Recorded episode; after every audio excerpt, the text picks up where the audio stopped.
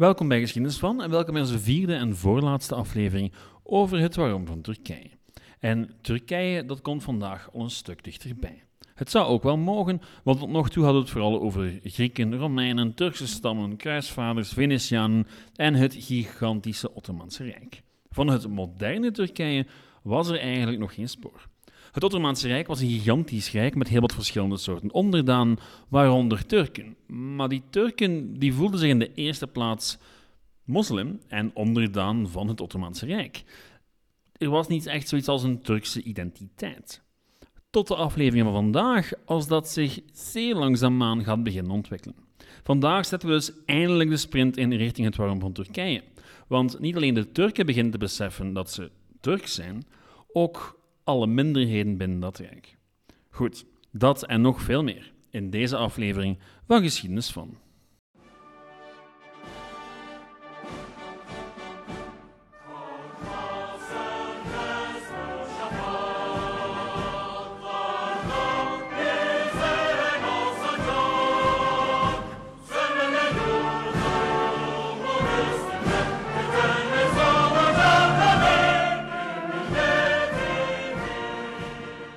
Ik geef het toe, ik had de reeks eigenlijk hier kunnen beginnen.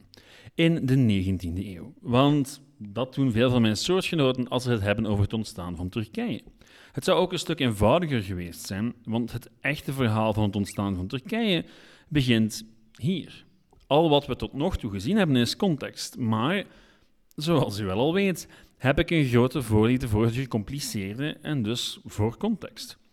Want het is net het ingewikkelde dat de geschiedenis soms ondoorzichtig maakt. Het verleden is evenzeer een kluwen als het heden. En als we vandaag de dag amper het bos door de bomen kunnen zien, waarom zou dat dan voor het verleden anders zijn? Waarom zou het verleden wel simpel en overzichtelijk zijn? Alles wat we tot nog toe gezien hebben, speelt wel degelijk een rol in het grote plaatje, al zijn het ook gewoon uitstekende verhalen op zichzelf. Het Ottomaanse Rijk, zoals we het aantreffen aan het begin van de 19e eeuw, is een product van alles wat ervoor gebeurd is. De jaren van veroveringen, van absolute dominantie in het oosten van de Middellandse Zee en de daaropvolgende jaren van adaptatie, waarin het Rijk machtig bleef, maar steeds minder angstaanjagend werd voor de buren, wel, dat leidt allemaal tot vandaag. Het begin van het einde, het begin van de val. Al zit die niet zo eenvoudig in elkaar als je wel zou denken. Want er komt voor de val nog een periode waarin men wanhopig probeert om alles recht te trekken. Een alles of niets poging van hervorming waarin men probeert op een tiental jaren alle achterstand qua technologie en organisatie in te halen op het Westen. Ik heb het over de Tanzimat. Tanzimat is een begrip in de geschiedenis van Turkije dat, ja, het is een fenomeen. Ik had er al over gehoord tijdens mijn studies, maar zelden echt bij stilgestaan tot ik zelf in Turkije woonde. En toen kon ik er niet meer aan ontsnappen, omdat, ja, er was een klokkentoren in de stad waar ik woonde. En dat kan raar klinken, want in West-Europa is een klokkentoren niet bepaald een vreemd fenomeen. In het Midden-Oosten staan ze ook, maar zijn ze een veel recentere verschijning. Wie alleen zijn middelgrote stad bezocht heeft in Turkije, of gebieden die ooit toebehoorden tot het Ottomaanse Rijk, zal ze wel al zijn tegengekomen, die Ottomaanse klokkentorens. Ik woonde een jaar lang in Malatya, in het oosten van Turkije, en reisde in die periode zowat het hele land af. En zowat overal vond ik van die klokkentorens. Grote en kleine, maar ze waren er bijna altijd. Meestal op een belangrijk kruispunt en moeilijk te negeren. Nu, van waar die klokkentorens? Wel, ze werden gebouwd vanaf het de tweede helft van de 19e eeuw. En het waren niet zomaar praktische instrumenten om iedereen op de hoogte te brengen van hoe laat het was. Nee, nee. Het waren symbolen. Symbolen dat er iets gaande was in het Ottomaanse Rijk. Symbolen van de hervormingen die van bovenaf werden doorgevoerd. Nu, die klokkentorens waren misschien wel de minst ingrijpende, maar ze waren ook de meest symbolische. Het merendeel van de Ottomaanse bevolking had nog nooit verlangd naar klokkentorens. Want vijf keer per dag kon je exact weten hoe laat het was als de oproep tot gebed over je stad of dorp heen daverde, wat volstond voor de meeste mensen. En de elite, wel, die had haar eigen klokken naar Europees model in huis. Dus waarom klokkentorens? Wel, opnieuw, ze waren een symbool. Een tijdperk van verandering, modernisering en centralisering. Een tijdperk waarin de overheid in Istanbul de problemen in het Rijk wilde aanpakken. Van Istanbul tot Tripoli, van Sarajevo tot Jeruzalem. Daarom stonden die klokkentorens daar. Als een vorm van architecturale propaganda. Een statement dat de tijden aan het veranderen waren. En dat waren ze ook. Ook al verraadt het feitje dat de klokkentorens ondertussen niet meer in het Ottomaanse Rijk staan, maar in Israël, Roemenië, Turkije, Libanon, Libië en nog een pak meer onafhankelijke naties, dat het Tanzimat geen succes was. En daar zaten de opkomende nationalistische bewegingen voor iets tussen, interne strubbeling en natuurlijk de westerse grootmachten. Oké, tot daar de inleiding. Waar komen die grote hervormingspogingen dan vandaan en wat hielden dan eigenlijk in? Wel, beginnen moeten we doen met de Franse Revolutie. Want die is op zijn eigen manier even belangrijk voor het ontstaan van het moderne Turkije als het Ottomaanse Rijk. Eigenlijk is het waarom van Turkije simpelweg een botsing tussen die twee zaken. Oké, ik vereenvoudig wel een beetje, maar ja, met de Franse Revolutie ziet het moderne nationalisme zoals we vandaag dat kennen het licht. De Fransen verdedigden 25 lange jaren een revolutie tegen zowat elke Europese mogendheid en elkaar. En in die revolutie werd gesproken over rechten en plichten voor de burgers. Burgers van een natie met een gemeenschappelijke cultuur en ideaal. En burgers van zo'n natie, die moesten, in de ogen van de Fransen en de Amerikanen, het recht hebben om zichzelf te besturen. De Fransen zouden het idee al snel uitbuiten toen ze eenmaal begonnen met het manen militaire verspreiden van hun revolutie. Alle onderworpen volkeren in het grondgebied van hun tegenstanders werd er stond een eigen staat beloofd. De Polen, de Tsjechen, de Kroaten enzovoort. Daarbovenop verspreiden de Fransen met hun veroveringstochten niet enkel een nationalistisch gedachtegoed, maar evengoed een heleboel nieuwe ideeën over hoe zo'n staat in elkaar moest zitten. Van onderwijs en rechtspraak tot economie en gezondheidszorg. De Franse expansie eindigde dan wel met de val van Napoleon. De ideeën van de Franse Revolutie en Napoleon vonden al snel hun weg over heel Europa tot in het Ottomaanse Rijk. Het eerste incident dat aangaf dat de tijden aan het veranderen waren, was de Servische Revolutie in 1804. Nu, natuurlijk is die revolutie op zichzelf al ingewikkeld genoeg, maar ze was duidelijk een gevolg van de Oostenrijkse bezetting van Servië. Toen veel Serven werden blootgesteld aan de nieuwe ideeën van de Franse Revolutie en later de nabijheid van enkele Franse satellietstaatjes. Tel bij die nieuwe ideeën nog eens een sterk geromantiseerd nationaal verleden, een Russische tsaar die ze zat aan te moedigen van op afstand, een Ottomaanse regering die niet goed wist hoe ze met al, al dat gedoe om moest, en je hebt een zeer duidelijk recept voor revolutie. Een recept dat zichzelf keer na keer zal herhalen. Het duurde uiteindelijk tot 1815 vooraleer Servië zelfbestuur kreeg toegekend. En toen begon dezelfde ellende in Griekenland. Geheime genootschappen werden politieke partijen, Grieken vanuit het buitenland en een binnenlandse elite planten een opstand en in 1821 was het zover, de Griekse revolutie. De Ottomanen kregen de situatie maar moeilijk onder controle en moesten de hulp inroepen van hun Egyptische vazallen, maar toen het bijna gelukt was, grepen de grootmachten in. Frankrijk, Groot-Brittannië en natuurlijk Rusland kwamen de Grieken te hulp. De hernieuwde interesse voor de oude Grieken had er veel mee te maken, wat de Fransen en de Britten betrof, en de Russen, wel, Turkije was simpelweg hun favoriete boksbal geworden. Allemaal in de hoop een claim te kunnen leggen op stukken van de Balkan en natuurlijk Constantinopel. Rusland als nieuw Romeinse Rijk, weet u wel.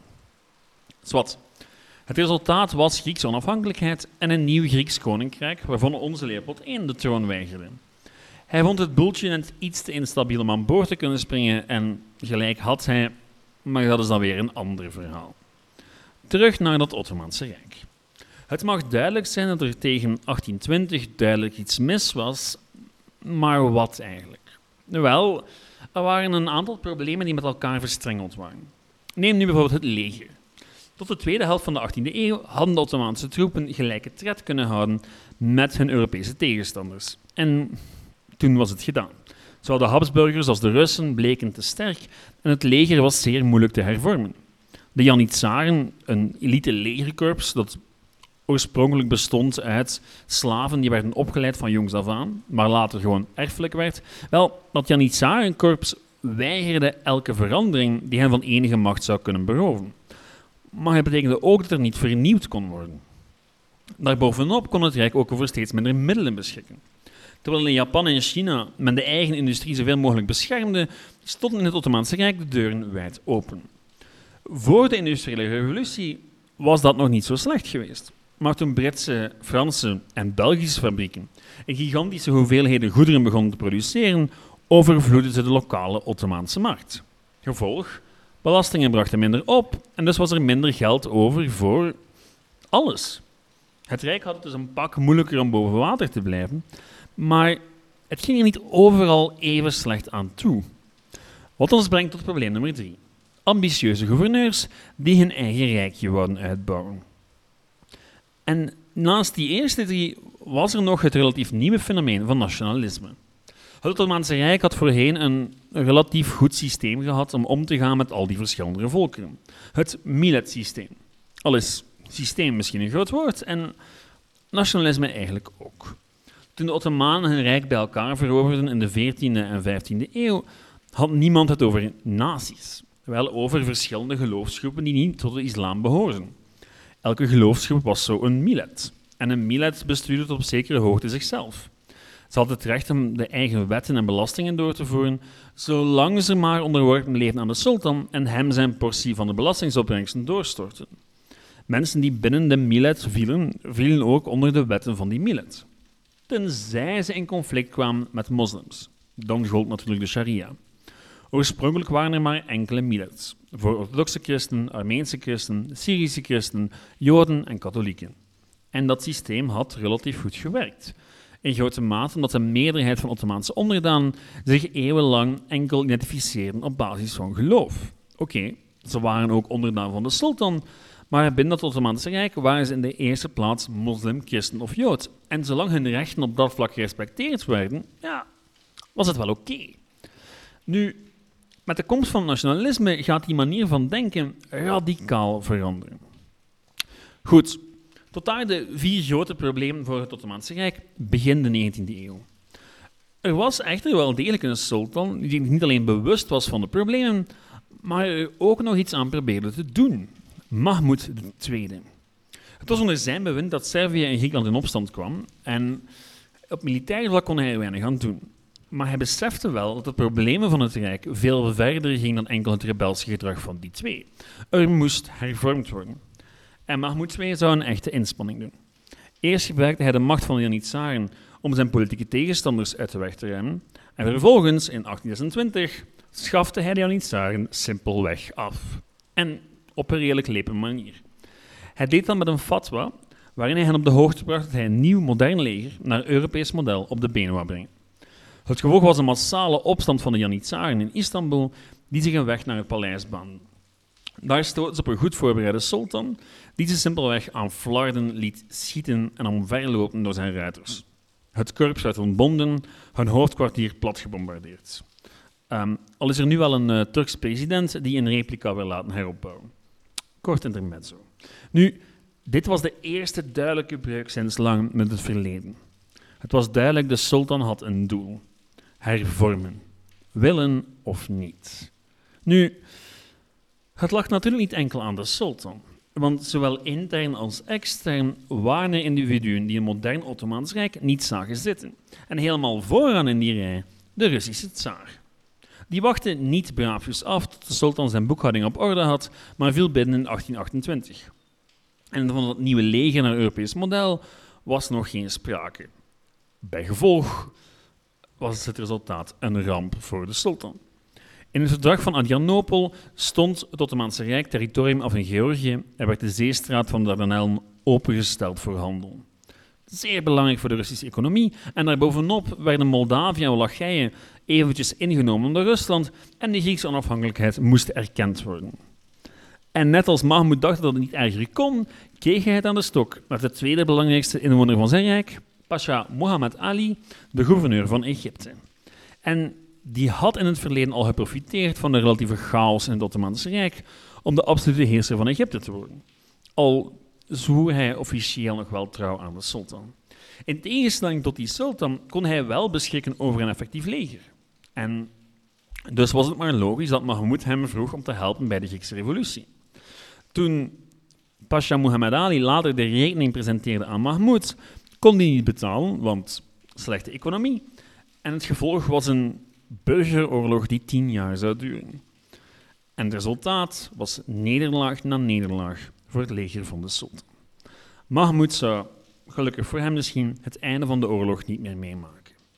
Zijn zoon Abdelmejid I trok de enige logische conclusie uit de regeerperiode van zijn vader. Het Rijk moest hervormd worden of het zou het einde van de eeuw niet halen. En dat besef betekent het begin van het tanzimat, van de hervormingen. Ik leg straks nog wel wat meer specifiek uit wat het eigenlijk was, maar beginnen doe ik liever met een opsomming van de maatregelen. In 1839 wordt het tanzimat verklaard met een edict. En dan gaat het zeer snel. 1840, introductie van geldbriefjes, opening postkantoren, financiële hervorming naar Frans model, hervorming justitie naar Frans model. 1841, opening prototype Turks parlement. 1843, start herorganisatie van het leger. 1844, eerste telling van alle mannelijke onderdanen. Eerste identiteitskaarten. 1845, oprichting ministerie van Onderwijs. 1847, afschaffing slavernij en slavenhandel. 1848, oprichting eerste universiteiten en het ministerie van Gezondheid. 1850, nieuw handelsbeleid. En dan heb ik er nog een heleboel zaken weggelaten. En dan was dat nog maar de eerste tien jaar van het Tanzimat. Je kan het Tanzimat een beetje beschouwen als een periode van onophoudelijke staatshervorming.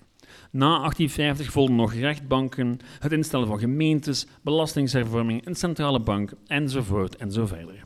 Allemaal naar westers en vooral Frans model. Of waarom Turkse kinderen vandaag de dag nog steeds naar lycées gaan. Het hoogtepunt van al die hervormingslust was de grondwet, maar daarover later meer. Het hele proces begon in 1839 met de uitvaardiging van de Hatti Sherif U Ogulhane. Mijn excuses voor de uitspraak waarschijnlijk. Nu, die verklaarde dat er vanaf dan een centrale overheid zou komen die alle burgers op dezelfde manier zou proberen behandelen. En verklaarde ook dat men zou gaan transformeren. En dat bleef niet bij holle praat, men probeerde ook echt wel. Maar waar komt dat dan allemaal vandaan? Want ja, dit lijkt gewoon een gigantische breuk met het verleden. En dat was het eigenlijk ook.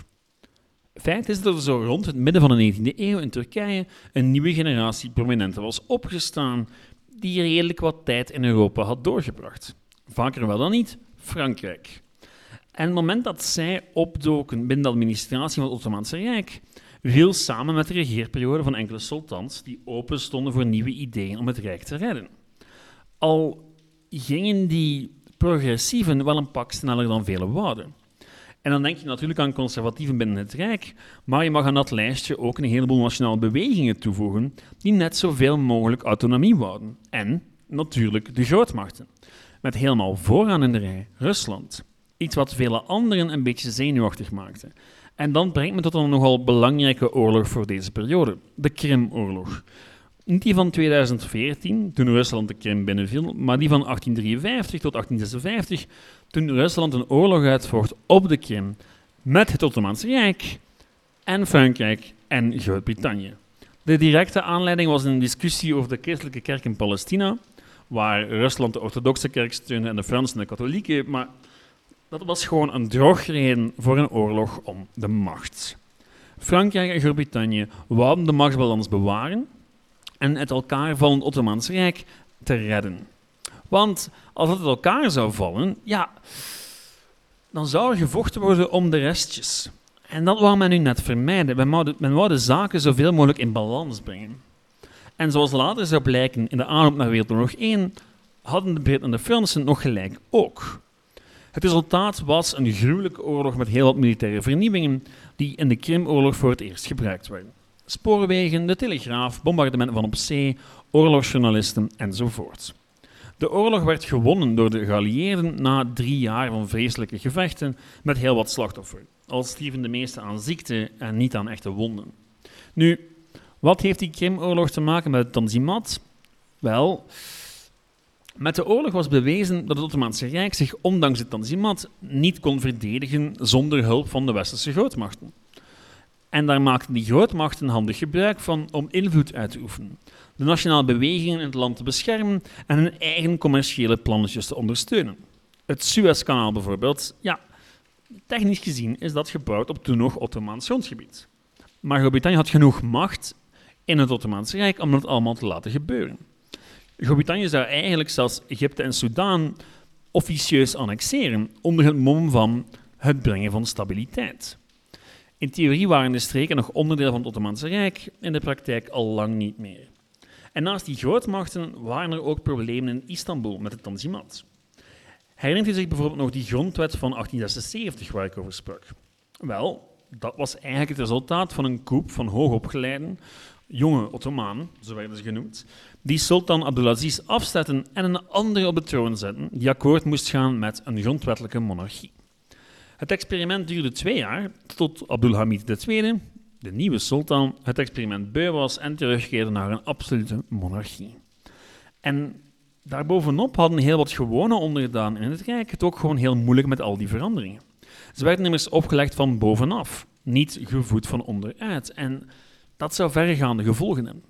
Groepen zoals de Armenen werden langzaam maar zeker steeds meer gezien als een probleem, een symbool van hoe de hervorming het evenwicht van het Rijk verstoorde. Ik zou nog een hele tijd kunnen doorgaan over de Tanzimat en de gevolgen, maar ik moet deze aflevering ergens afronden en dat doe ik dus hier.